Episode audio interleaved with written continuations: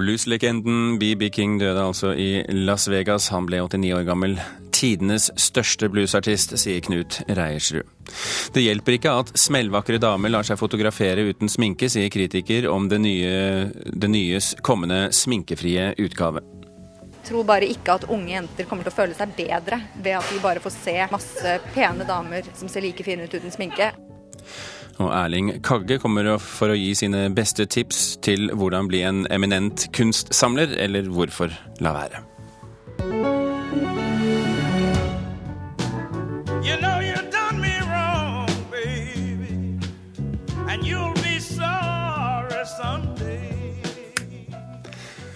For noen minutter siden kom altså beskjeden om at en av verdens største bluesartister, BB King, er død. Ifølge popmagasinet Rolling Stone var han inntil i dag den største nålevende gitarist, og den tredje største noensinne etter Jimmy Henriks og Duane Allman. Knut Reiersø, hvordan vil du beskrive BB King? I, for det første vil jeg si at det var en trist måte å våkne på i dag. Dere ringte meg for ti minutter siden, og, og, jeg våknet av det. og Da jeg så det var eh, telefonnummer til NRK, så tenkte jeg med en gang nå er BB King død. For det er noe vi har tenkt på, vi som er i den bransjen vår. Eh, han er liksom eh, ja, altså For det første så gikk vi hele tiden og håpet på at han skulle bli 90, da, for det hadde han blitt i september. Så vi tenkte liksom at vi skulle feire 90-årsdagen hans og syntes det var en fantastisk ting. Så visste vi da for en måneds tid siden at det bar nedover. Og derved så, så satt vi liksom hele tiden med denne klumpen i halsen og vil dette her skje? Og det, altså han er han er jo, altså Med BB King så forsvinner jo en, en hel æra i musikkhistorien. Og det forsvinner selvfølgelig en hel æra i, i afroamerikansk kulturhistorie. Så det er, det er en pussig følelse.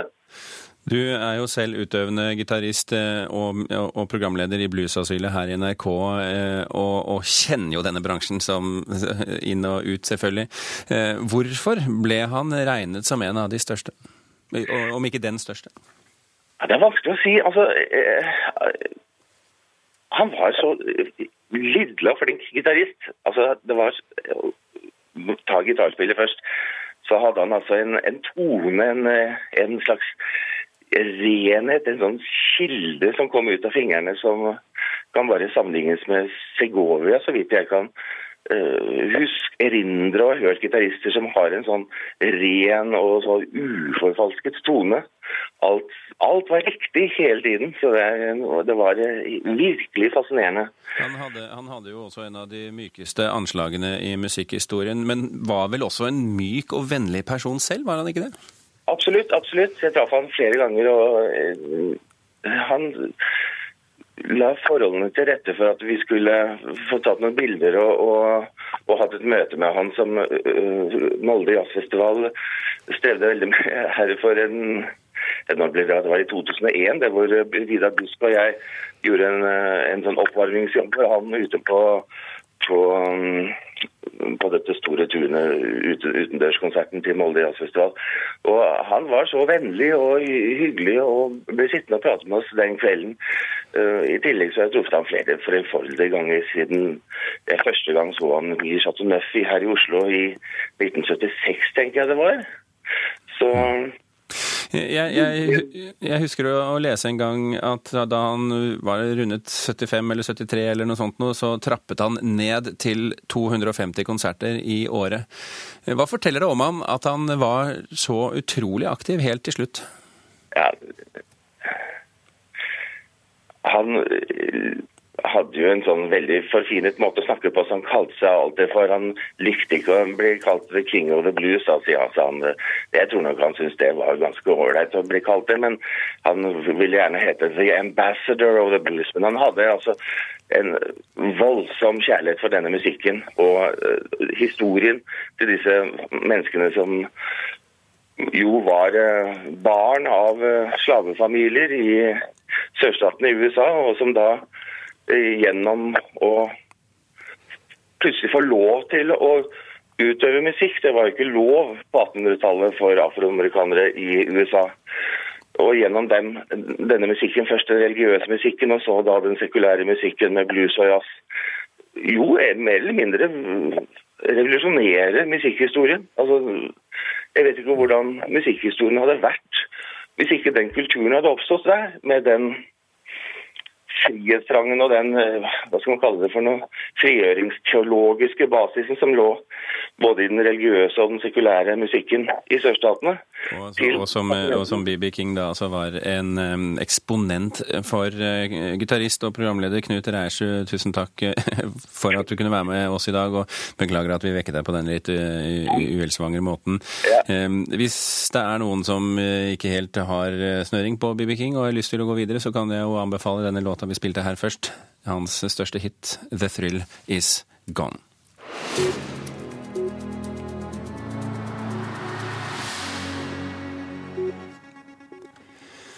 Bladet Det Nye bommer når de har gjort det nye nummeret sminkefritt. Det mener statsviter og blogger Ingrid Rogstad. Til uken kommer utgaven der alle som er avbildet fremstår uten sminke og uten at bildene er retusjert. Nyheten om det, kommer, om det kommende nummeret har skapt stort engasjement på sosiale medier de siste dagene, men Rogstad mener den sminkefrie utgaven fort kan skape flere problemer enn det løser.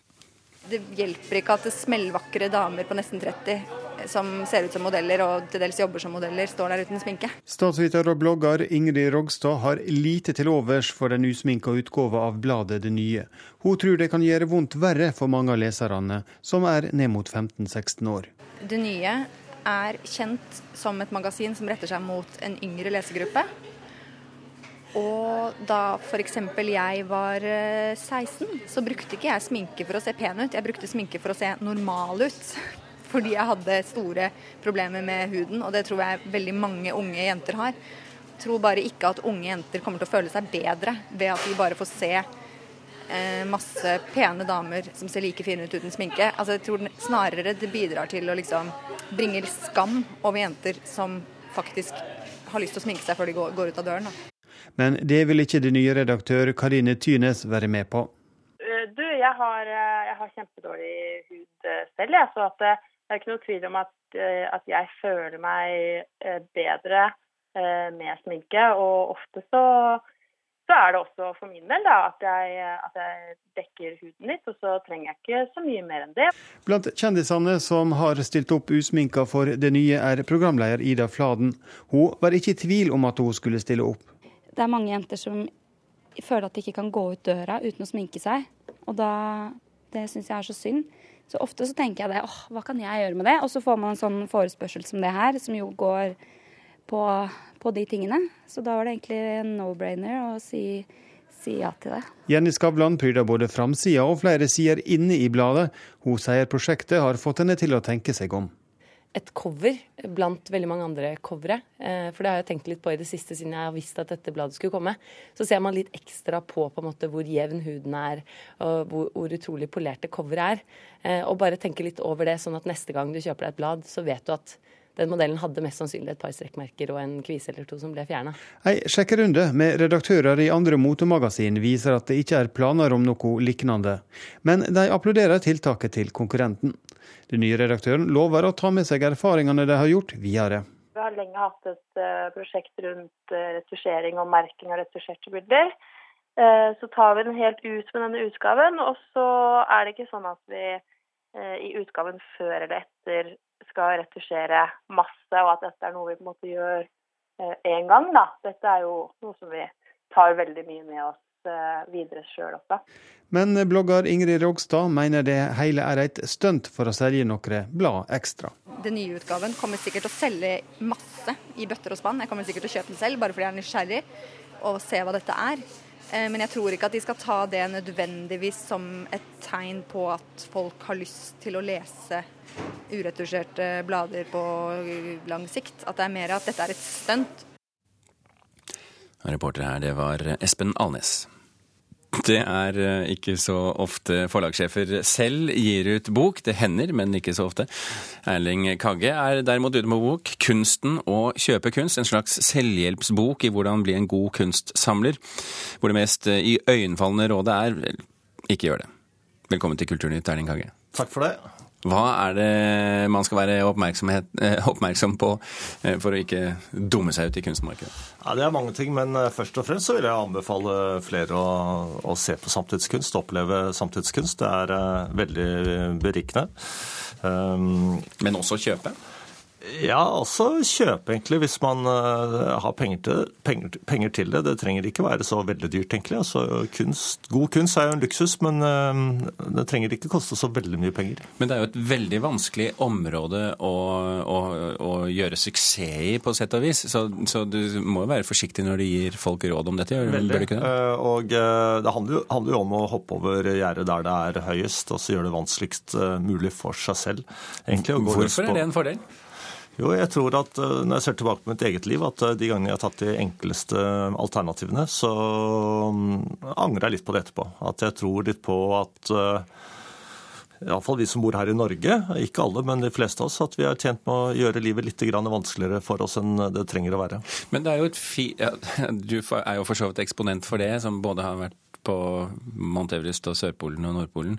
Eh, ikke enkelt, noe av det. Heller ikke enkelt å lykkes her. Og du bruker jo bildet 'hoppe over gjerdet der det er høyest'. Det er jo enkelt å forholde seg til. Men hvordan vet du hvor gjerdet er høyest? det er ikke eh, altså F.eks. gå til Sydpolen alene fremfor å gjøre det med mange andre. Da er det vel eh, vanskeligere å gjøre det uh, alene. Men også jobbe i forlag, som forlegger som jeg er nå. Det er veldig vanskelig, syns jeg, å, å, få til. Og det er mange andre ting som er enda vanskeligere, så det, så er ikke det. Men jeg syns det er krevende. Og det som jeg skriver om i denne Kunst og samle kunst også, at eh, jeg skriver om gledene ved å se på kunst og samle kunst. Og også utfordringene, hvor vanskelig det er å se forskjellen på god og dårlig kunst. Det var altså sånn Ser du en eh, god Picasso eller en sen Rembrandt, så skal det ikke så veldig mye til før man erkjenner at dette her er ordentlig bra kunst. Eh, men ser man på mye av det som blir laget i dag, eh, så er det ikke lett å vite. Altså, blant annet i boken så skriver jeg om eh, på Venezia Biennal nå, ikke i år, men for to år siden, eller fire år, år siden var det hvor Clara Lidén, svensk kunstner, stjal noen søppelbøtter på gaten i New York og Berlin og tok dem inn på biennalen. Og da var plutselig søppelkassene blitt kunst. Hang i samme høyde som søppelkasser på gaten. Og Da går sjefen i MoMA går, eh, rett forbi eh, uten å legge merke til at de søppelkassene plutselig er blitt til kunst. Så, så, det er ikke Og jeg kjøpte en av dem. Um, men, men, men, hva er suksessfaktoren? Altså, hva er det man konkret må gjøre for å ha en viss sjanse i dette vanskelige ja, det, markedet? Man, man, må lese, eh, se mye kunst, snakke med mennesker. Man samler jo med, ikke bare med øynene, men også med nesen og ørene.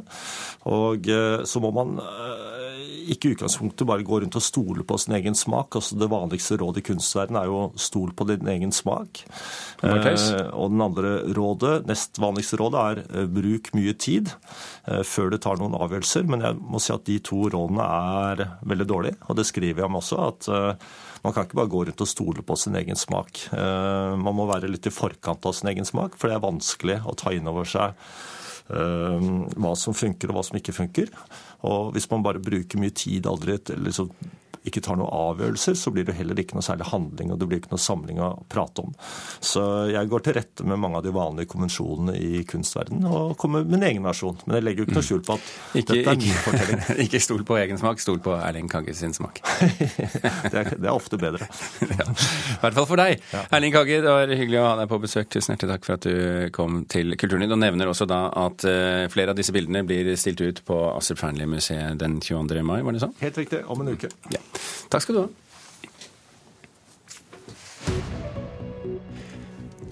Klokken er 17,5 eh, minutter over 8. Du hører på Kulturnytt, og dette er toppsakene Nyhetsmorgen nå. Om under to timer skal bøndene svare om de godtar det nye tilbudet fra staten i landbruksoppgjøret på 295 millioner kroner. Flere utenlandske selskap er interessert i å kjøre tog i Norge i årene fremover. Et av dem kommer fra Hongkong. Og flere enn 700 flyktninger er reddet fra en synkende båt utenfor Indonesia. De forteller at eh, malaysisk marine tvang dem ut fra malaysisk farvann. Så har vi kommet til dagens eh, fredagspanel. Helt i nord har vi Anders opp Oppdal, redaktør i Nordlys. Velkommen. God morgen. Her i studio i sør har vi Vidar Kvalshaug og Martine Aurdal, henholdsvis fra Dagbladet og Livets skole eller noe sånt. Vidar? God morgen.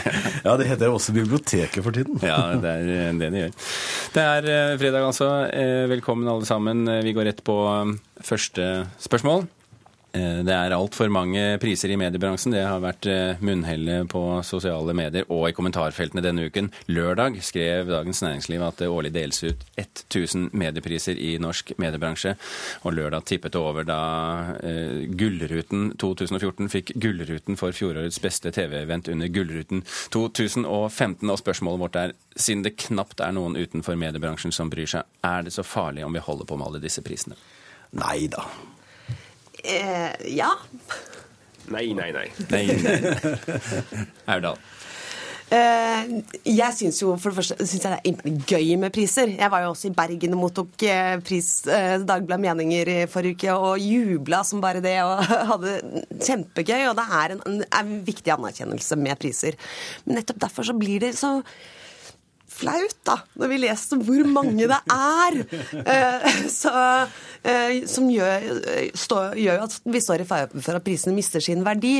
Så nei, jeg ønsker meg et eller annet eh, litt enklere, mer oversiktlig system med litt færre priser, som gjør at folk forstår at vi er verdt å se og prises.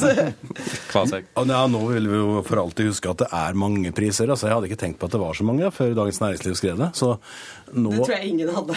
så jeg tenker akkurat her og nå så går vi vel for prisen for beste diskusjon om prisene i media. ikke sant? Det er det vi driver med nå. Den, den kommer, den er jeg helt sikker. Ja, nei, Det er jo et annet aspekt ved det. og det er Tenk om all dekninga av egne priser tar plassen fra noe vesentlig. Fordi det er en voldsom Det er to dager i året det er når, når de store prisene deles ut, og når opplagstallene kommer. Og den dagen i februar da opplagstallene kommer, så er jeg liksom ordentlig flau på, på medias vegne. For da står en jublende redaksjon som jubler for et eller annet som alle vet ikke er helt reelt. Det har ikke gått opp. Nei. Nei. Men alle later som. Og så tenker jeg sånn, er det sånn med priser også? Er det for mye dekning av det i egne medier? Er det, går det på Har du noe svar noe på det spørsmålet? Eh, svaret er selvfølgelig ja. Det er altfor mye hausing om det. Men eh, om det er for mange priser, det er en annen sak. Ja, men priser har jo også en funksjon. Da. Ja, ja. Ja, internt. Ja, la oss høre hva eh, opp, Oppsal mener oppe i Oppdal og mener oppe i nord. Nei, Jeg skjønner ikke at eh, det blir så mye bråk ut av det hele tatt. Det er noen klassisk eh, Twitter-diskusjon som får masse, masse, oppmerksomhet. Det ender opp som et svært dokument i Dagens Næringsliv. Det er jo bare tull. Utenfor mediebransjen så spiller de her prisene absolutt ingen rolle. Så jeg tenker at hvis man kan uh, føre til at de virker selvmedisinerende i en depressiv bransje, så hvorfor ikke? Kanskje vi kan ha flere priser. Jeg sier ja til solskinn og glans, nei til gråt og tenners. Men, men, altså en sånn seriøs side der er så lenge at vi eh, journalister bruker arbeidstida til å skrive om et så lite problem, så får vi ganske mye trøbbel når vi gråter over vår syke mor rundt neste sving. Altså, så jeg syns det her er en stor tullediskusjon. Ja, Aurdal. Ja, nei, det er jo veldig fristende å bare slutte seg til. Jo, nei, men, nei, jeg syns også prisene har en, en, viktig funksjon. Fordi at det er uh, For det første så er det jo himla gøy. Uh, men for det andre så er jo uh, arrangementer som SKUP-prisen og den konferansen også veldig effektiv kunnskapsdeling. Jeg har lært utrolig mye av å høre andre kolleger fortelle om hvordan de jobber. Så vi konkluderer med at priser er helt OK, gjerne 1000, men hold det for oss selv. Ja, eller kanskje dra antallet ned litt, sånn at vi, eh, vi klarer å holde oversikten over dem sjøl. For jeg tror ingen av oss ante at det var så mange. Jeg holdt på å le meg i hjel av den reportasjen på lørdag. Vi har bare tre spørsmål i Fredagspanelet, men vi må like fullt videre. Til uken så gir, som vi hørte tidligere i sendingen, motemagasinet Det Nye ut en hel utgave. Helt uten retusjerte bilder, og der ingen av de avbildede har sminke. Nettsaken om dette har vært en av NRKs mest engasjerende på lang tid, og i dag uh, hørte vi altså kritikken at utgaven uh, like gjerne kan skape flere problemer enn det løser. Så spørsmålet vårt er, syns dere det er en god idé med én sminkefri utgave, Oppdal? Ja. Ja. Ja. Litt sånn nonchalant. Ja. Oppdal, hva er det som er så fint med dette? Nei, altså, fint og fint. Det nye er et motemagasin, og det er jo det det her egentlig handler om. Det er en trend. Så jeg skjønner ikke at det blir så mye spetakkel rundt det. Eh, at det nye snur kappe etter vinden, det er jo hele businesskonseptet. Sånn at det er jo ikke overraskende. Så det interessante er jo å se hvor lenge det her varer. Jeg ser at noen allerede har begynt å sminke seg for å se mest mulig sminkefri ut. Sånn at, eh, sånn at eh, Ja, det er i tråd med det nye konseptet. Jeg klarer ikke å se den store førsten ut av det, og jeg tror ikke at det nye her klarer å skape den store forskjellen heller. Ja, nei, Jeg sitter jo her sminkefri, som jeg ofte gjør på hverdager. Jeg, da. Det er jo radio. Men jeg tviler på at eh, innmari mange får veldig mye bedre selvtillit av å se Jenny Skavlan i trusa, uansett om hun har på seg maskara eller ikke. Eh, Men jeg syns likevel at det er bra at de gjør det, fordi de i hvert fall synliggjør hvor mye de retusjerer bildene til vanlig, og hva, hva forskjellen egentlig er. Da. Og det er bra, fordi det nye leses av veldig unge jenter som er vokst opp med en retusjert virkelighet, og det at de klarer å lære seg å se forskjell, tror jeg er utelukkende positivt. Men er det ikke også et problem at de ser denne sminkefrie utgaven, og så skjønner de at de er jo supervakre likevel, og så mister de en sånn slags unnskyldning? Ja, ja, De er supervakre likevel, men det er jo forskjell. Eh, og man kan trikse utrolig mye med lys, med eh, sminke, med eh, Photoshop.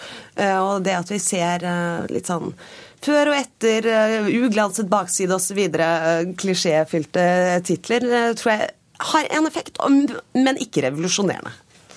Kvalshaug? Ja, både Anders og jeg vi, vi, vi snakka sammen i går og ble enige om at vi heller ikke vi skulle sminke oss. Har det gått bra, Anders? Det har gått fint. Ja. Eh, Jeg tenker at eh, det er akkurat som, som du sier der oppe, at eh, det nye er et magasin som skal snu kappa etter vinden. og Noen ganger er det med og uten klær, og så er det med og uten pels, og så er det den naturlige kroppen, og så er det den hverdagspuppen, og så er det alle sånne ting som, som vedrører utseendet, skal de snu litt på. Snart er de tilbake i maskaraens mørke og kajalens forbannelse. Så det er allerede neste nummer, så det går bra. Så du, du, eh, du ser ikke noen eh, sånn voldsom eh, problem her, altså? Nei, ikke noe problem. Det er helt sikkert fint for noen å, å se kjente mennesker gå uten sminke, og, og de aller fleste av oss har jo sett kunder uten, uten sminke før og ikke blitt skremt av det, så det går fint. Vi hopper til siste spørsmål i dag. Et spørsmål der en av dagens panelister er dundrende inhabil, men som vi skal snakke om likevel. Følg med nå, Erdal. På lørdag samarbeidet Dagbladet og Se og Hør om en TV-sending fra Gullruttershowet. Et samarbeid Dagbladets journalister selv er svært kritiske til. Men når alt kommer til alt, eh, er ikke dette en match made in heaven, eh, Kvalshaug? Jo da, det er det. Oppdal? Ja, ja, ja. Aurdal? Nei. og nå var vi overraska. OK, eh, Oppdal, eh, fortell. Nei, altså jeg tenker det her må være en drøm. Jeg har sjøl jobba i Dagbladet en gang i tida. og Da eh, var jeg relativt ung, og jeg fikk som oppgave å få tak i siste utgave av Se og Hør før VG, sånn at vi kunne se om det var godt stoff å ta tak i. Nå kan man få eh, innholdet Fri og Franco sampublisert. Eh, Dagblad uten kjendisstoff, det er rett og slett ikke Dagblad. Så jeg syns at journalistene i avisa, inkludert Martine, burde juble vilt og uhemma over alle Se og Hør-synergiene som hun kan få tak i. Altså. Nei, hun jubler bare for priser, Oppdal. ja. Men, men eh, er det eh, Du, du, du er, er Ja. Det er ikke en match made in heaven, men det er en, eh, eh, dessverre en dyd av nødvendighet i den norske medievirkeligheten. Eh, I dag ser vi at eh, det er veldig vanskelig å drive uavhengig avis. Derfor var vi veldig glad for å bli del av noe større da alle kjøpte Dagbladet. Eh, og vi ser at eh, Skipsted-konsernet opererer delvis som én stor redaksjon og fordeler arbeidsoppgaver mellom seg. Eh, her om dagen leste jeg 17. mai-været for Bergen i Oslo by. Og, eh, og når alle andre samarbeider, må vi også samarbeide. Eh, og da er jo avgjørende Men du dro jo på dette likevel ja, en del, da. Ja, selvfølgelig. fordi at For oss er det jo avgjørende å ikke ødelegge Dagbladets troverdighet. Og da må vi finne måter å samarbeide på som ikke gjør det. Og så må vi prøve ut ulike måter. Her, nå var dette da c.no-prosjektet, eh, hvor journalister som ønsket selv, ble lånt ut til det. Og så ser vi at det har noen positive sider, eh, men det har også noen negative som jo åpenbart har kommet frem i, i denne saken. da. Her kom redaktøren Aurdal frem, ja, jeg har jo jobba begge steder gjennom et par og tjue år, så, så, jeg vil jo si at Dagbladet har jo aldri hatt noe troverdighet på akkurat dette med underholdning på mange andre felter. Ja, og det skal man ikke tulle med. Man skal ikke slå sammen Dagbladet og Se og Hør på de aller fleste feltene, men akkurat her er det helt perfekt å få gjort det. fordi her har Dagbladet drevet kjendis.no, som har mye klikk, men Se og Hør har kompetansen på det. Så det går bra. Sånn er det å, å gå til sengs med noen. Man må gi litt. Men du må ikke kjendis.no heller, da. Altså, nei, vi skal selvfølgelig ha kjendiser i Dagbladet. Jeg er jo ja, ikke imot det. Nei, nei, uh, men vi skal gjøre det på en måte som står i stil med presseetikken vår for øvrig. Nå, må vi finne måter hvor vi samarbeider mm. innad i konsernet på, der hvor andre også har kompetanse på det samme. Nordlys eh, forsøker jo Oppdal eh, å stadig vekk å finne nye, bl.a. Eh, med disse nettstedene som vi har diskutert tidligere. er det et lett felt å gå inn i dette? Nei, det er jo ikke lett. Men altså, jeg tror det, poenget her, det Martine er inne på uh, hun uh, I Dagbladet, før man uh, kom i konsern, så sto man fryktelig fryktelig alene. Og Det er nå en dyd av nødvendighet, som hun sier, å, å dra på synergier fra andre. Og I dette tilfellet så har Dagbladet fått tilgang på den, kanskje den beste og mest offensive kjendisjournalistikken som finnes. Så hvis man klarer i Dagbladet å putte det inn i en form og på en sånn måte at det er i tråd med de etiske kompassene man har, så syns jeg det er bare bra. Jeg tenker at slagordet i Dagbladet-korridorene burde være 'se og hør, gjør gjør livet gladere. Ja. Det har nå blitt eh, behørig meldt videre til, eh, til Martine Aurdal, som eh, nå er en av flere panelister som må slutte å snakke Vidar Kvalshaug, fordi at det er slutt her i dag. Anders Oppdal, tusen hjertelig takk alle tre for at dere var med. Hans Ole Hummelvold, Gjermund Jappé og Birger Kålsrud Aasund takker for følget. Snart kommer flere nyheter her på denne kanalen.